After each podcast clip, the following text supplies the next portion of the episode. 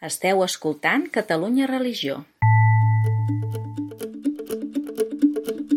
Som dijous 30 de juny de 2022 i esteu escoltant la rebotiga de Catalunya Religió, aquest espai de tertúlia i comentari de l'actualitat amb els periodistes que conformen la nostra redacció. Saludem a Glòria Barrete, en Jordi Llisterri i en Roger Vilaclara. Com anem? Hola. Hola. Ha anat bé la rebella? Ara queda lluny, eh, ja. Sí, Sí, sí, lluny. Sí. ara que has provat de la vella, de, de, de quin any parles ja? Quin any? Podria ser la de Sant Pere. Uh, ja no se, se, no se celebra No. tant. Vau sentir petards o no? a Ahir Sant uns do, dos o tres, però encara em vaig sentir algun a Barcelona. Mm. Bé, um, escolteu, uh, som dijous, dèiem, portem uns dies, uh, una setmana amb, amb, amb diverses coses que, que han anat passant, ara les comentem. Uh, una d'elles, en aquest cap de setmana de pont, que, que ens va colpir a tots molt, que és um, les morts que, que hi va haver, els assassinats, vaja, de, de persones que fugien de molts drames humanitaris um, a la frontera sud, al Marroc. Um, hem, hem vist imatges horroroses que, que ens recorden no? escenes històriques que tots voldríem que no es tornessin a repetir i malgrat tot tornen a passar, no? de gent que fuig de la guerra i que, i que se'ls se mata, no? en aquest cas de- d'accés a un punt fronterer, de voler una vida diferent i, i vaja, hi ha hagut moltes denúncies per part de- d'entitats que treballen sobre el terreny. També han alçat la veu en aquest sentit amb altres entitats com Justícia i Pau o la mateixa Conferència Episcopal Espanyola, amb els religiosos també n'han parlat no? i han denunciat i, i demanat que s'investigui exactament què és el que va passar i que no es passi pàgina així d'un dia per l'altre. No? Em, també va parlar l'arcabisbe emèrit de Tànger, el franciscà Santiago Agrelo, hi havia un discurs, que, un text que haureu llegit a xarxes socials, no? un to mm, retòric, no? deia que, que, no, que no havíem de preguntar no? com van morir aquestes persones, que no ens preguntem si eren evitables les morts. Vaja, una mica un text provocatiu, però que ha fet que hi hagi gent que hagi sortit al carrer aquests dies. No? I una de les coses que he fet des d'aquí, des de Catalunya Religió, és parlar amb, amb, amb gent d'església que treballa sobre el terreny, concretament amb el jesuïta Albert Sánchez, ell fa un temps que és a, a la Delegació Diocesana de Migracions i treballa també en un centre que dona no, assistència, no només sanitària a les persones que arriben en, en situacions molt, molt precàries després d'haver creuat de zero, d'arribar per mar o mm, també assistència doncs, no? psicològica, espiritual i no? que tenen la persona en el seu conjunt i entenen que hi ha una història darrere. No sé vosaltres si heu llegit el text, l'entrevista amb ell, què és, mm. què és el que us ha semblat. No, aquí el que hi ha és el que, el que ens passa sempre, que quan hi ha un, un, un a dir uns fets, però que no són uns fets, una tragèdia, un, un, una situació social injusta, un, un conflicte d'aquest tipus, sempre pots espenjar el telèfon i trobes un religiós, una religiosa, un sacerdot, un equip d'una comunitat de no sé què. Sigui, sempre, jo crec que el, el valor de l'entrevista que vas fer a Laura, a més de, de, dels propis continguts i de les denúncies que, que ell pugui fer, és això, doncs, de, de mostrar una vegada més que els, les comunitats religioses sempre hi són. I després, eh, un cop estan allà, doncs la situació és complicada, potser eh, l'Àlvar no va dir potser tot el que hagués volgut dir perquè també està un, un, en, en, en, precisament això, en una situació de frontera i per tant és complexa, però jo crec que era molt clar el que, el que ens transmetia del, del que estava pensant. És a dir, que al final el problema és, és, és, ara hem, hem posat el focus en aquest nombre insuportable de morts i amb aquestes imatges en concretes de molt mal digerir, però que aquí hi ha un constant i un permanent i un, i un problema estructural i resolt. Glòria. Mira, de fet, um, no sé si recordeu algun camp de treball que havíem fet, havíem anat a cobrir nosaltres, bueno, a cobrir no in situ, també de les escoles dels jesuïtes que portaven alumnes de batxillerat a la, a la tanca de Melilla i durant, i, i parlo d'anys enrere, eh? no, no, no és una cosa d'ara, però és evident que jo crec que a l'entrevista de l'Albert també queda clar que és un, és un, un problema que deia ara el Jordi com molt estructural, que no, ningú té la recepta màgica, no? I sovint, quan surten notícies tipus això, que l'estat espanyol doncs ara fa converses amb el govern marroquí i ara reconeix el Sàhara o deixa de reconèixer, tot això sembla com molt llunyà, però després te n'adones que el, el potencial de l'entrevista queda clar. Això és un pòsit de societat que quedarà, mm, que si no comences des de petit a entendre mm, i a explicar pedagògicament què està passant aquí i altres punts de, doncs, del món on hi ha conflicte, doncs això no tira endavant. I, I queda clar quan penso que el club de lectura, una cosa que ha de ser oci pur i lleure, doncs eh, l'última lectura que vam fer és L'apicultor d'Alep. És un llibre que no és eh, per res d'aquest any, que és del 2019, però parla del drama dels refugiats de, des de Síria i veus que darrere hi ha una vida molt similar a la d'aquesta gent que acaba de saltar però també d'altres entrevistes que hem fet quan els religiosos s'hi abocaven a nivell personal i anaven a, fins a la tanca no? per ajudar tota aquesta gent. I t'expliquen sempre el mateix discurs i penses, bueno, què, què estem fent com a societat? Esperar a un al proper salt, um, esperar a cobrir les imatges dantesques, què serà el proper, no?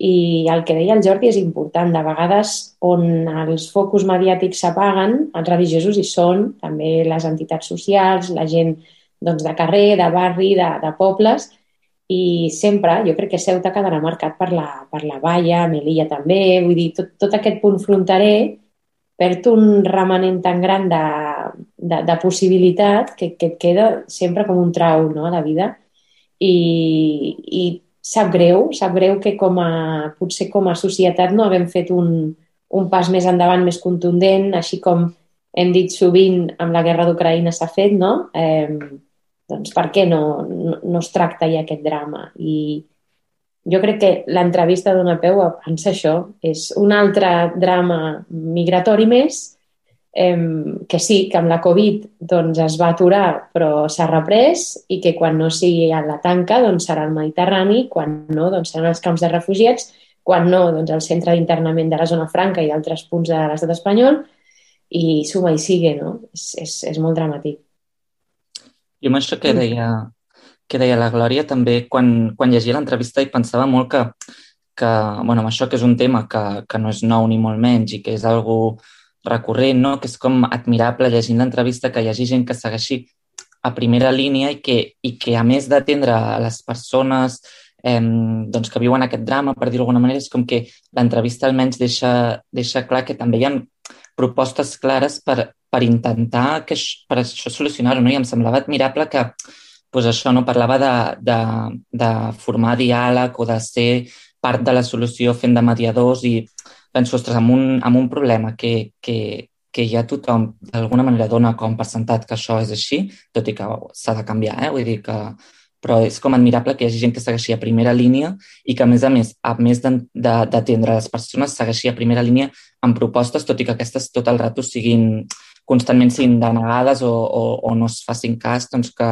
que segueixi insistint en això i que penso que, que no, que no s'hauria de parar d'alguna bueno, que no s'hauria de parar, no? que és important que segueixin amb aquesta feina i que nosaltres també em, hi donem recolzament i també hi donem visibilitat, que també és com la nostra manera de, de que això no, no, no s'aturi, per dir-ho d'alguna manera. De fet, jo crec que aquesta és la clau com de lectura del que proposava a l'entrevistat l'Àlvar Sánchez, que ell de fet va estar molt de temps també amb el servei de refugiats dels jesuïtes, té una visió global de tot aquest problema, no? I, i aquí hi ha dos, dos pals de paller. Un és el dret a la mobilitat humana, és a dir, amb les persones han de poder circular allà on creguin i, i poder decidir on volen viure. Evidentment, doncs les societats s'han de regular, ha d'haver-hi, no? Ha d'estar tot...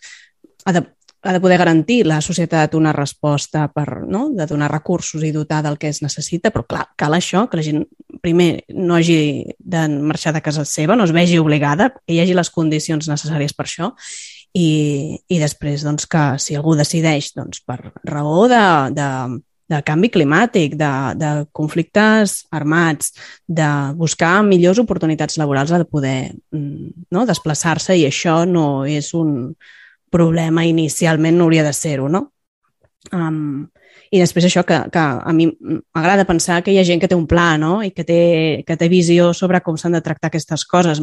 Crec que no se les escolta prou o no s'escolta prou a les entitats i persones que, que en saben no? i malauradament a vegades qui se sent més i els que fan més soroll són els que tenen discursos d'odi que a la que rasques una mica es desmunten, no? perquè no, no tenen cap substància. En canvi, aquí hi ha molt de treball, molt de diàleg, molt de coneixement mm, i, i de, del potencial, ell deia, potencial humà que hi ha en la trobada, amb la diversitat, d'escolta, d'interès, no? Ho feia a través d'una... Mm, explicava la, la celebració d'aquest cap de setmana que hem fet de Charles de Foucault, no? que, que va fer coincidir diferents persones de diferents religions entorn a un projecte comú. I, però com això entenc que, que hi ha moltes altres possibilitats i, i bé que sí, com deia el Roger, n'hem de poder continuar parlant. És que, a, a veure, el, el, el que no es pot fer és negar el problema o, o pensar que tota la qüestió dels refugiats, de la mobilitat humana, de tota la, la situació de desigualtats que provoca això, mmm, és de solucionable d'entrada.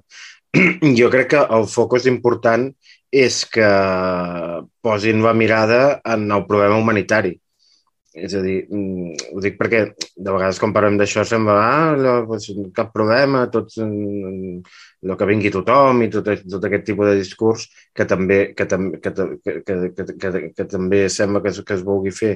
Eh, jo entenc que, que, que no ningú nega la, la realitat del problema i de, i de que la, la gestió és molt difícil, però sobretot es posa l'accent en que el, el problema s'ha de gestionar prioritzant la qüestió humanitària i, i, i després ves tota la resta. Mm? Jo, jo entenc que el, el sentit de, de que les institucions religioses s'impliquin en això és aquest, no cap altre. Aprofito ara que parlàvem d'aquest tema per recomanar-vos un llibre, si no el coneixeu, l'heu de llegir, Corre sense por, que explica la història d'aquell atleta de Somàlia que va, que va córrer participar en uns Jocs Olímpics i que bé, tot el centre de la seva història no és aquest Mm, combat per la llibertat en unes circumstàncies humanes molt precàries i, i tot també tot el drama de, i el que implica doncs, o iniciar l'exili, no? I amb creu al desert, etc. És un gran, una gran història. Corre sense por. Bé, um, dit això, um, no sé aquesta setmana si... No, no, el coneixeu? L'heu llegit o no? No, però ara sabem que Ara teniu un, una el tema del batisme t'hi has anat aficionant darrerament, no veig? Eh, no, aquesta ja venia d'abans. Um, dèiem, dèiem no, que, que, que en el fons de tots aquests desplaçaments i mobilitat humana hi ha, hi ha també situacions no, de, de, de conflicte armat, situacions que són insostenibles i justament aquesta setmana s'està celebrant la Setmana per la Pau, Arcadi Oliveres, que pretén recuperar, actualitzar el llegat aquest activista que va ser president de Justícia i Pau una pila d'anys i referent per moltíssima gent. Però com que també som de memòria curta en aquesta societat nostra, ja està bé que hi hagi noms que vagin sonant, perquè si no de seguida mm, no, quedarien en l'oblit i la feina que ha fet um, també s'està veient aquests dies en aquestes no, activitats que s'han anat organitzant. Uh, dilluns amb sessió d'obertura eh, d'aquesta setmana, Jordi? Sí, eh, la veritat és que la, la moguda ha sigut important um, perquè per, per Justícia i Pau organitzar tots els actes que estan organitzant aquesta setmana i amb la... i a més actes imaginatius. És a dir, tots estem molt acostumats a allà un congrés o unes jornades. Venen uns senyors, el matí, primera, de 9 a 10, primera taula rodona, pausa cafè, i, i uns senyors i unes senyores amb unes taules que van parlant, la gent escolta i al final fan unes preguntes que normalment són els mateixos els que pregunten a tots aquests tipus d'actes i que aprofiten en lloc de preguntar per fer la seva conferència. No? Doncs eh, jo crec que ara parlarem dels continguts, eh? Però em sembla rellevant també trencar aquest tipus de formats. I això és arriscat, també és molt més complex d'organitzar i, i l'acte d'ahir a la tarda a la Passa Sant Jaume on Aura, també, també hi eres. Jo crec que és dels més significatius en aquest sentit, de fer, de fer actes amb contingut, però alhora visibles i que, i que arribin a, a públics diguem, més amplis i diversos dels que estem acostumats en el nostre entorn. Sí, aquest és el gran èxit, eh? superar la barrera, frontera de públics, de ser els de sempre, fent les coses de sempre no? i amb els formats de sempre. I actualitzar aquest missatge, que evidentment és absolutament vigent, la necessitat de treballar per la pau, una pau que s'ha insistit aquests dies i, i s'anirà repetint, que no és ingènua, que no és una pau de, no? de coloms i d'allò i floretes, sinó que és una pau de, de combat, reivindicativa, que treballa per la justícia, que denuncia la violència estructural. Això és una cosa que va sortir ahir molt en diferents textos de diferents tradicions religioses. Dèiem, deies, Jordi, perdó, faig un, un a priori que era potser esmentar aquesta setmana quin tipus, quina mena d'actes estem parlant, no?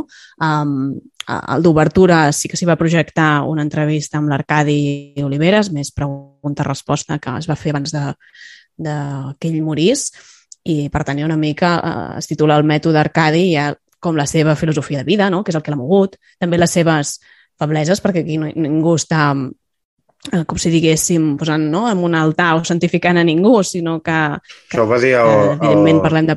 Això va dir el, president sortint de Justícia i Pau, Eduard Vendrell, o el del Vendrell, que deia, sobretot no anem a entronitzar l'Arcadi. Eh? Doncs jo crec que aquesta idea va ser important que la destaqués Baldau perquè si no fem sants en vida. Exacte. Doncs uh, des del realisme, no? de, també dels qui treballen dels qui treballen per la pau i, i, i, i que no només són entitats religioses, clar, en el nostre cas ens fixem en aquest accent, eh? Però aquí han sabut treballar amb la societat civil i buscant una pila d'aliances, perquè és que al final, mmm, si l'objectiu és vàlid i, no? i necessari, evidentment s'han de trobar, eh, s'ha de, de, de buscar de sumar, no? No, no de restar, sinó de, de ser més forts eh, dins de les petiteses de cadascú, no? Jo crec que, que aquest és el gran èxit. I ahir, eh, aquest dimecres, amb la celebració, era una vella, no? que no necessàriament es definia com a vella de pregària, tot i que hi va haver-hi pregàries, va haver-hi crida a l'oració amb un cant àrab eh, d'obertura bastant impactant. Mm, es van sentir moltes llengües, no? hi havia majoritàriament textos en català, de tradicions eh, cristiana, jueva, musulmana, no? hi havia eh, molta representació però també es, va sentir, es van sentir textos en anglès, en urdú, en, en hebreu, no? aquell cant final de l'Ebeno Shalom que, que va unir tota la gent de la plaça. No? Bé bonic, jo faig una valoració, la veritat, mmm, positiva. Va, em va agradar. Està, trobo que està molt ben fet, que era molt diferent al que estem acostumats i que era en un espai públic. Això vol dir que, més enllà dels que estaven convocats i van anar-hi expressament, mentre això passava, que va durar una hora, una horeta, un llarg, bueno, una hora i deu. Sí, no hora i deu, eh? només, només. No massa més. Um, clar, entremig estàs a la plaça Sant Jaume i per tant tens tots els carrers no? que s'hi apropen, gent que està visitant la ciutat, s'atura, o veïns, o gent que hi treballa i veies els passavolants, no? I jo crec que aquest era També una manera d'ampliar el radi... De... A tocar la flauta també ho vam tenir. El moment de la flauta. No, sí. fer-ho en un espai públic això, que passa un senyor i es posa a tocar la flauta per la pau perquè digue, escolti, d'un altre moment, sisplau. total. Sí, sí, sí. Sí, perquè us heu d'imaginar, doncs això, no? totes les cadires organitzades en cercle, no? al voltant d'una taula quadrada que podria simular un altar, um, sobre la qual hi havia el músic que va estar tocant aquest instrument de percussió, que fa com uns tons metàl·lics, però era, no sé, era com envolvent, tot plegat, estava ben fet i, i ben, no? sincronitzat. I el de la senyora de la flauta s'hi va afegir a un moment que va allargar la melodia i algú li va dir, perdoni, està molt bé, però no l'havíem... Com... És a dir, no és que no el convidéssim o el féssim fora, però ara toca no? seguir llegint textos i es va... Bé, bé, res, petita curiositat. Um, més coses. Uh, ja, passem... No, sí. bueno, no sé, com que el, el Roger Glòria, com que no, no hi han estat, no sé des de fora com, com ho hem vist. Sí que jo volia fer un apunt eh, que ara estic dubtant perquè depèn de com ho digui se'm tirarà tothom a sobre. Però eh, jo crec que abans parlàvem de fronteres, l'Arcadi també era una frontera amb si mateix. És a dir, és una persona on, on, per on passava, era un punt de trobada de gent d'entorns molt diversos, gent doncs, més procedent del món de la, de la militància, per dir-ho així, religiosa, i gent del món més polític, en aquest cas d'un àmbit més progressista, d'esquerres, etc. Eh, I amb la setmana jo crec que això s'ha visualitzat també. És a dir, una sèrie de persones que possiblement amb entorns d'activitats organitzades per entitats religioses no s'hi farien presents o no hi participarien o no estarien en el cartell, doncs qui fossin. Això també genera incomoditats, perquè per gent doncs, que ve d'un determinat món sent uns discursos que diu, escolti, o, o fins i tot ahir mateix, no? no amb, amb, el, amb les confessions presents, doncs hi ha confessions que potser es mouen una mica amb la frontera del que pots considerar una confessió religiosa o no mm? i que amb una, diguem, pregària organitzada per una delegació de comunisme d'un bisbat, doncs possiblement no hi haurien sigut.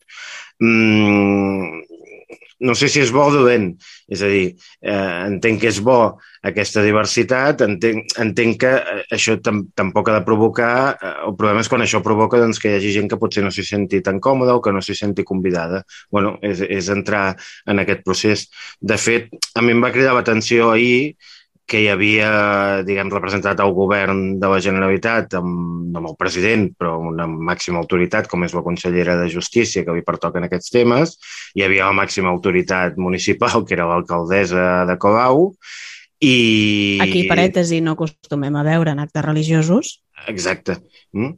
I, bueno, no és que no acostumem a veure, és que no hi va mai. No hi va mai. No hi va suposo mai. que devia entendre que aquest no era religiós. Però, però bueno, doncs una, una activitat organitzada per una entitat religiosa doncs, que, eh, amb la consellera Ciuró i l'alcaldessa Colau, cosa que, que sembla molt lloable, però, per exemple, a nivell d'Església de, Catòlica hi havia representants, hi havia gent del món catòlic, però no hi havia els màxims representants institucionals. Mm, bueno, si, si estem en la frontera, també estaria bé que, ens, que fos un lloc on ens hi poguéssim, on ens hi poguéssim trobar tots al màxim nivell i, i, i això no va passar. Bueno, doncs anem-ho provant altres vegades a veure si, si això també és ocasió doncs, de, que, de que es trobin eh, de que es trobin persones i entitats doncs, que possiblement hi ha moltes coses que no combreguen però que al final entre tots hem de composar la plaça pública, que era el que teníem ahir a, a la plaça Sant Jaume amb, amb cadires, no? Mm -hmm. Glòria.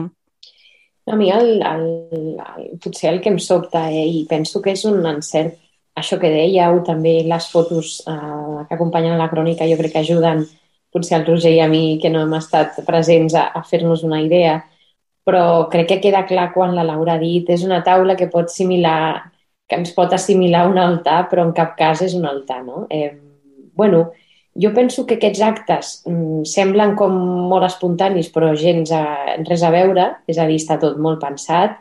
En actes eh, interreligiosos, interconviccionals, aquests conceptes que ara ja es porten tant i ja no sabem en quin, en quin acte ho hem de dir, però que saps que et trobaràs al final gent eh, bueno, molt diversa penso que s'ha d'anar amb peus de plom. I una de les grans particularitats que a mi em recorda l'Arcadi és això, és la gran capacitat d'entendre a qui tens al costat, eh, del respecte també per l'altre, de conèixer la seva tradició, saber on és el límit, on és, on és el teu i, i anar caminant plegats.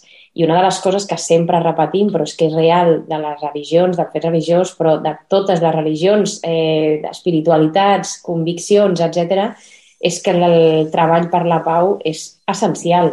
Llavors, quan tens aquest punt comú i no intentes mm, doncs, establir qui va per sobre, qui va abans, qui tal, qui agafa, qui organitza, doncs això és, tot és com molt fluid. I a mi em fa aquesta sensació, aquests actes, no? Al final dius, bueno, què estem fent aquí? No estem fent, no convoca una... no és una pregària religiosa d'una convicció concreta, Eh, no és eh, potser tan estrany que un polític se senti convidat, perquè dius, no, al final el que estem fent és treballar per la pau, recordar una persona que ens va deixar un mètode, no? el mètode Arcadi, però que és totalment equiparable als nostres dies i, i que tenim un referent per treballar i que avui dia ens parla. Quan es deixa tot això de banda, es pot treballar molt ràpid i llavors ho contraposem aquests últims dies amb les imatges, per mi dantesques, del Rosari dels Homes al mateix punt, no? a la plaça Sant Jaume, i penso, jo aquí no m'hi hagués trobat. En canvi, a la d'ahir, doncs mira quanta gent s'hi va trobar. Bueno, és mm. anecdòtic per pensar-hi i de vegades és això, no perdre de vista què estan fent en aquest acte. Doncs, quan ho tens clar, treballes conjuntament.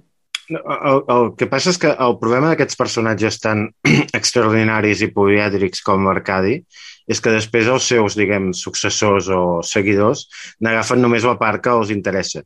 Mm? O sigui, hi ha l'Arcadi antimilitarista, sí. doncs eh, ens oblidem de l'Arlesta i tot és que el tema antimilitarista, l'Arcadi anticapitalista i tot és un problema del sistema capitalista, però de l'Arlesta ens en oblidem.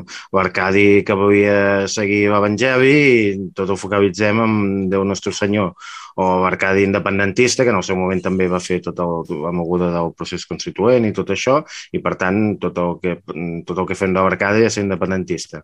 Mm, I això de vegades és molt complicat quan el, quan el, el personatge que era el que teixia ja no hi és, doncs que, que cadascú vulgui treure el seu. I, i en alguns moments d'aquests actes on cadascú lliurement ha pres la veu, doncs, bueno, potser alguns han pres la veu mm, venent la seva venent la, el seu producte, diguem, però no, mm. no, no, no el conjunt de l'Arcadi, que és, que és, que és un, una, una persona això amb, molt, amb moltes més complexitats i matisos que un d'aquests punts determinats que he dit o qualsevol altre que podríem agafar.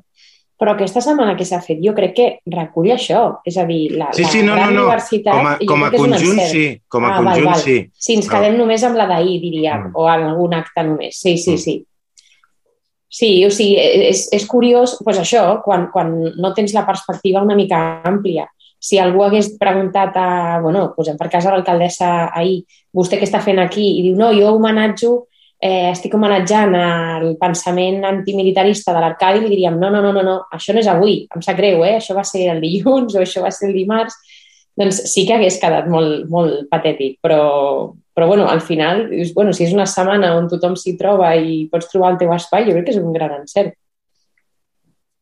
Doncs uh, sí, pregària interreligiosa, interconviccional, moment de trobada meditació compartida a peu de carrer, uh, en un espai públic obert, en diàfan i on tothom va poder una mica dir la seva, no? de tot aquest conjunt de, que dèiem de, de tradicions, algunes mm, més antigues que d'altres, no? I, però, però amb aquest punt comú de dir, al final, la pau ha, ha d'unir no? les, ha les persones i és com un puntal, vull dir que si aquí, si aquí no hi som eh, és molt complicat construir res, no? I malgrat tot s'ha de, de seguir lluitant i batallant i una de les coses que van dir també des de la comunitat ucraïnesa, no? que la llibertat s'ha de lluitar cada dia. I recordo que també el, el pare Hilari Reguer també explicava no? això, ell també de llarga tradició democràtica, que hi ha coses que no es regalen no? i cal batallar-les i treballar-les perquè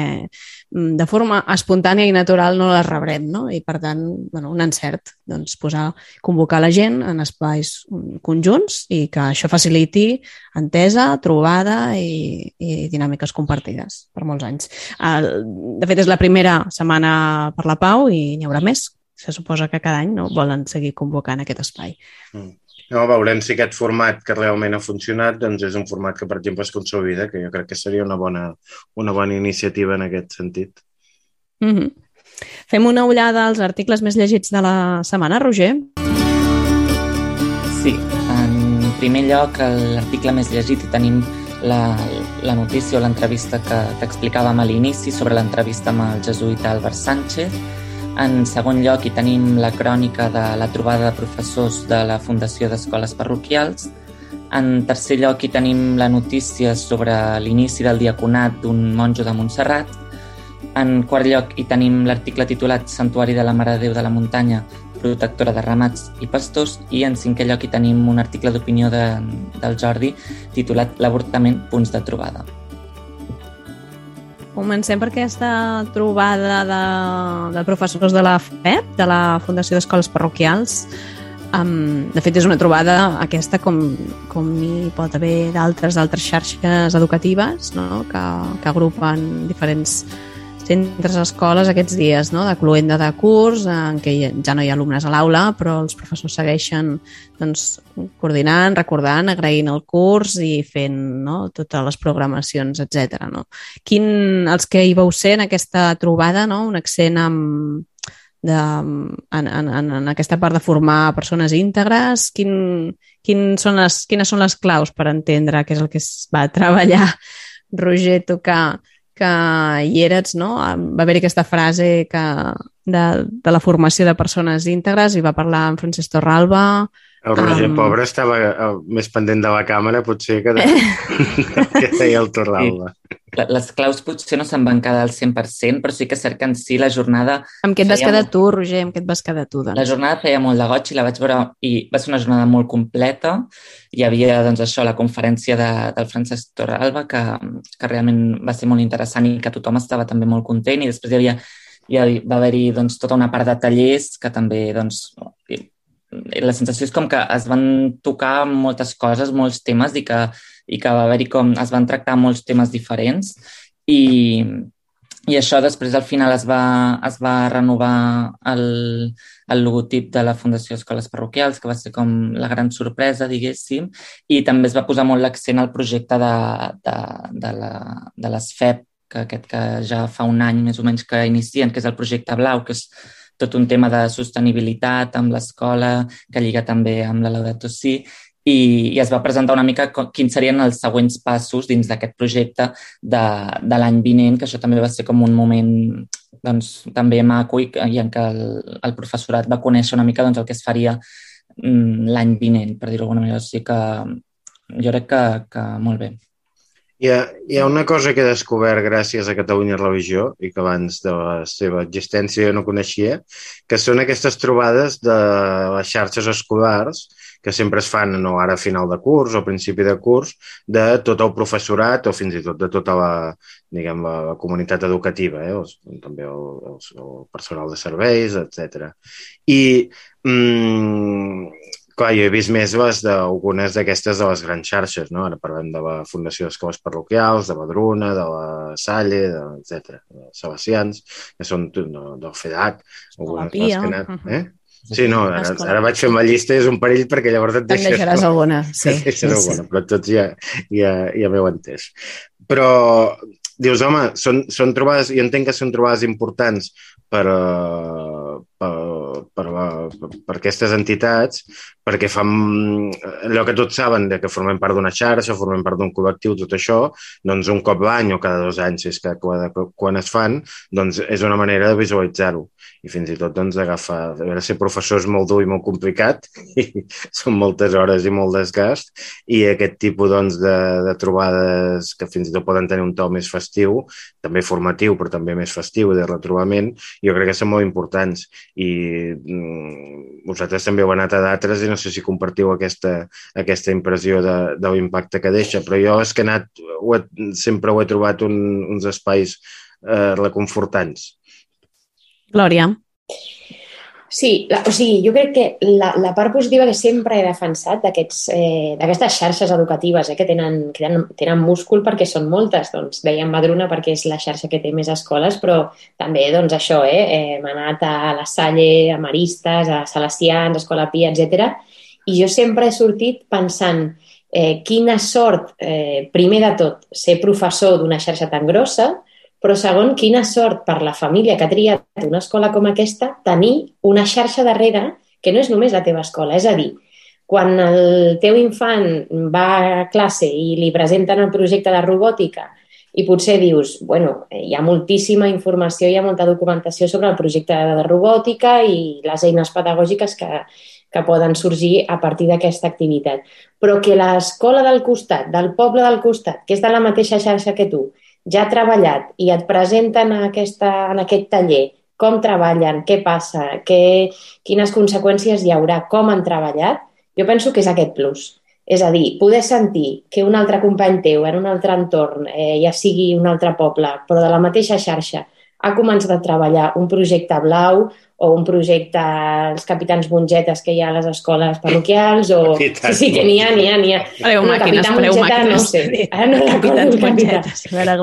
el capità no sé què sí que n'hi ha, però vull dir, eh, projectes d'aquests, o l'Escola Pia té un, ara ho diré malament, però té un concurs com de projectes educatius dins la pròpia xarxa, no? Algun projecte de biblioteca que han fet o de projecte lector que han fet i, i presenten i, i és guanyador i l'expliquen als, seus, eh, als seus companys. Doncs penso que això és el potencial d'aquestes xarxes escolars, a l'arribar a on no arribes tu, perquè potser hi ha una escola de la teva xarxa que només té una línia de primària, però després hi ha altres escoles de la teva xarxa que tenen fins a batxillerat. Doncs tot, tot això, mm, jo penso que aquesta riquesa es parla poc d'això. I, bueno, el Roger deia, no? Feia molt de goig als tallers, però dic, és que el propi múscul que no veuen les famílies quan, quan trien una escola que té una xarxa molt gran és aquest. És dir, no, és que on no arribi la teva escola, l'escola que ja porta anys treballant-hi en un entorn més desfavorable ja treballarà. O si vols fer un, un projecte d'emprenedoria, no pateixis perquè la mateixa xarxa ja et proposa quina escola pots apadrinar per fer el projecte de solidaritat. Tot això eh, jo penso que es passa molt, molt endavant i en aquestes, en aquestes trobades multitudinàries on s'hi apleguen 500 mestres, on tothom parla el mateix llenguatge, és brutal. I dius, és, és quan aquí s'hauria de posar l'accent, no? no? No només tries aquesta escola, tries una xarxa enorme de capacitats i recursos que la teva escola podrà aprofitar. I, I és- això jo és crec el- que està bé.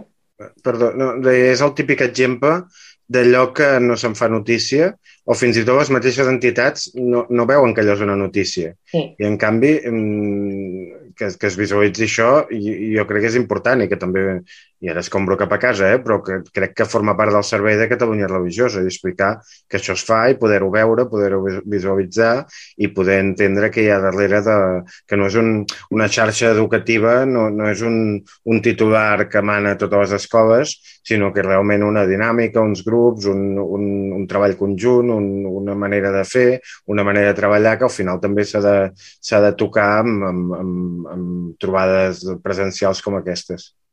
I, i que té tot el sentit del món eh, si estem parlant d'aprenentatge, és a dir, que hi hagi aquests vasos comunicants, aquest compartir coneixement, eh, especialitzacions, no? que, que no és allò que et quedes per tu amb el, eh, eh, pel teu benefici del teu centre, de la teva comunitat reduïda, sinó que comparteixes el servei d'un bé comú, que és l'educació d'un país, no? I, i que això és permeable a tot el territori, o en aquest cas a la demarcació de Barcelona, però Vull dir, trobaríem tots aquests exemples que dèieu i, i que es visualitzi ara també ha estat molt esperat perquè venim de dos anys de pandèmia on aquestes trobades tampoc s'han pogut celebrar, no? Per tant, també hi havia com més ganes, no? I, i això jo crec que enforteix el col·lectiu, dona sentit a la feina que fan mestres, professors, tota, tota la gent que passa per l'escola que ha de tenir aquesta visió no? de, de, de tenir en compte doncs, el procés dels, dels infants i joves de, des de que entren per la porta no? eh, fins que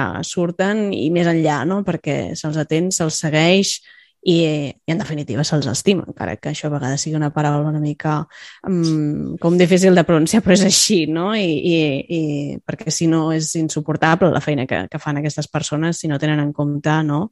Uh, que els subjectes els que tenen doncs, són persones i, i que han de créixer des d'aquesta de, des confiança, des de tots aquests um, valors.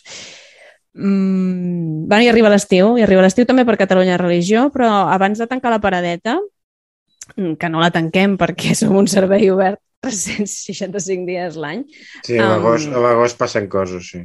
Sí, passen coses a l'agost i continuarem sent, però sí que és veritat que fem, fem torns i això. Però abans, abans aquesta setmana sí que tenim novetat. Glòria, què passa dimarts? Dimarts 5 a les 6 uh, hi ha l'última sessió del Club de Lectura d'aquest curs. Um, bueno, curiosament sempre hem dit, eh, els llibres que hem triat sempre al Club de Lectura online, ja sabeu, el primer dimarts de mes, doncs qui, qui vol s'apunta, és un servei gratuït que oferim als lectors i qui no són lectors de Catalunya Religió perquè ens coneguin, doncs triem llibres que no són possiblement els últims supervendes ni els que acaben de llegir, però eh, us asseguro que ens parlen avui, perquè el proper llibre que llegim el dia 5 amb, amb, la, amb la participació especial, en aquest cas de l'autora, és de la Míriam Hatibi, que es diu Mira'm els ulls. És un llibre del 2018, però us asseguro que ens parla avui de tot això que estem dient avui, des del tema de l'escola, que és molt interessant el seu procés, fins al tema del diàleg eh, quotidià, del diàleg interreligiós, dels prejudicis, de les migracions.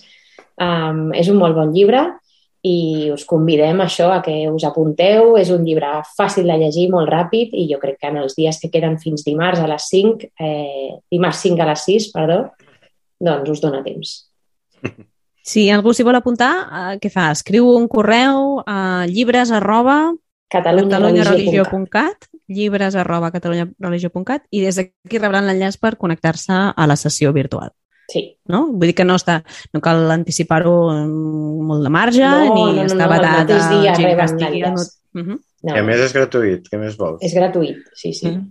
Fem fàcil, senzill, obert, gratuït i... I, I breu. Tampoc I breu. Ho tenim tot, eh? I amb llibres curts que no hagis de llegir gaire. Bueno, bueno, aquest, aquest. Altres, déu nhi eh? Altres sí que sí, hi ha hagut més feineta. Doncs no, una gran notícia que vingui l'autora Miriam Khatibi, no? que també dona tot un, un relleu a la, a la trobada i sempre és interessant poder inter interactuar amb, amb, amb qui ha escrit el que llegeixes. O sigui que fantàstic. Felicitats, Glòria, i tots dimarts aquí connectats. Última sessió del Club de Lectura i amb això pràcticament ja dèiem que no, que no marxem del tot, però potser sí que aquesta és l'última rebotiga del curs.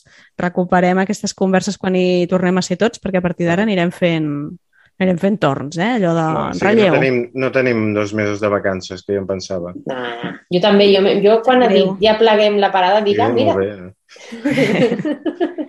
No, no, la parada continua oberta i, i, i la, la sostindrem com puguem perquè tothom pugui descansar. Això sí que és molt important que l'estiu eh, i en altres moments l'any eh, aturem màquines i, i siguem conscients del que fem, deixem de fer, descansem i, i recuperem energies. Per tant, Perquè el, el capità Mongeta no ens ho faria, això de l'octubre. ja us passaré el fer el capità Mongeta? No, és que ara estic dubtant. No, no, no, bueno, no, espera. No, sí, sí, jo... Ara no Capitán sé si... Siam, Glòria, no ho confons No. amb el Capitán Siam. Els petits no, no, canvis no, són no. Hi ha poderosos. una escola de la Fundació Escola Parroquial, ja us ho Hi ha l'escamot verd. L'escamot verd, això, Ah. perdó, no és el Capitán Siam, m'he equivocat. Ni és el Capitán Siam ni el Mongeta. El Mongeta. No, i a més la meva neboda hi Escolta. formava part. Jo crec que em mataria ara mateix, però des d'aquí em sap greu. Bueno, l'escamot verd, És efectivament. una mena de És un personatge... gran projecte. És un, és un col·lectiu, podem- l'escamot. Molt bé. Apel·larem per això al nostre particular Capità Mongeta a partir d'ara quan tinguem un, un forat el cridarem a veure si ens atén. Com a con- concepte insuperable. Escolteu, molt, molt, molt, molt bona Sí que jo sóc més del capità Macarrons, però bé. No, el Capitán Plat Siam, què d'espaguetis, estem ho dient? sabem. Ho sabem pel teu, la teva foto de WhatsApp, Jordi. Exacte. Capità, capità Espaguetis. Bueno, escolteu, uh, dèiem, molt bon estiu a tothom. Gràcies per escoltar-nos una setmana més i sabeu que, que som aquí per informar-vos de tot el que passa a Catalunya que té relació amb el fet religiós. Uh, pàgina web oberta sempre que la necessiteu. Els butlletins els seguirem enviant tot l'estiu, per tant, us hi podeu subscriure gratuïtament si és que no hi esteu ja subscrits i així rebreu la informació al vostre correu electrònic. També tenim canal de WhatsApp i altres novetats que seguirem informant-vos els propers dies. Molt aviat, molt aviat. Atents, Efectivament. atents a la pàgina no, web. No desconnecteu. Una abraçada molt forta i us trobarem a faltar, eh, però recuperarem les converses amb tots vosaltres. Gràcies, Adéu. Glòria Barrete, Roger Vilaclara i Jordi Llisterri. S'acomiada un- una servidora, Laura Mort. Fins aviat! Visca el capità Mongeta.